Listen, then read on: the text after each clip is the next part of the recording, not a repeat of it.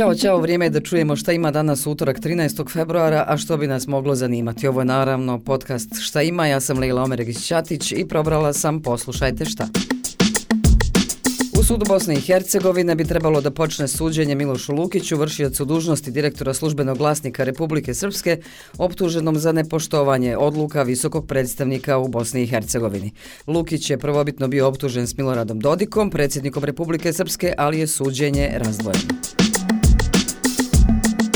Ova informacija je važna, kratka i dovoljno jasna, a obradovat će Mostar. Naime, u povodu integracije komunalnih preduzeća u tom gradu, javnosti će se obratiti gradonačelnik Mostara Mario Kordić i čelnici novog komunalnog preduzeća. A u Narodnom pozorištu Republike Srpske počinje festival italijanske kulture Insieme. Otvorit će ga kamerni orkestar ovog pozorišta koncertom pod nazivom Pučini, početak i kraj. Festival Insieme, koji se na inicijativu Udruženja Italijana Banja Luka održava već četvrti put, osmišljen je kao multikulturalni, multietnički te umjetnički kaledioskop, a cilj je promocija italijanske umjetnosti. Međunarodni dan radija. Obilježava se na današnji dan jer je opšta skupština UNESCO-a na predlog Španije proglasila 13. februar kao svjetski dan radija u znak sjećanja na 1946. kada je osnovan radio UN-a.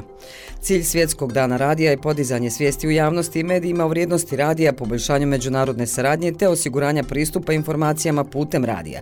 Stajalo je u tadašnjoj odluci.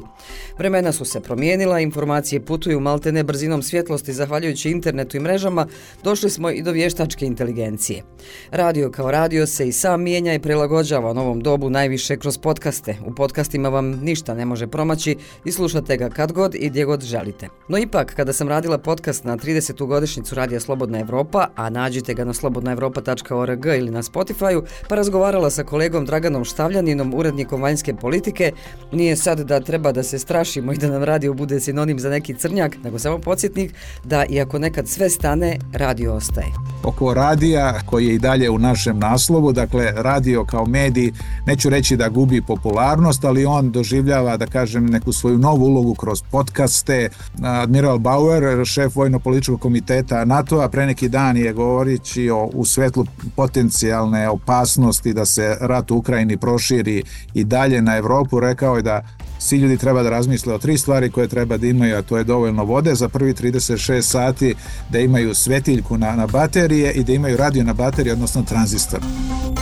Ali da ipak ne završimo u tom tonu šta bi nam moglo zatrebati u slučaju ovoga ili onoga, nego da zasladimo u svjetski dan palačinaka. Pa će tako srednja turističko-ugostiteljska škola Mostar to obilježiti tako što će ispred škole postaviti stolove za degustaciju, a pripremat će palačinke, fritule i krofne.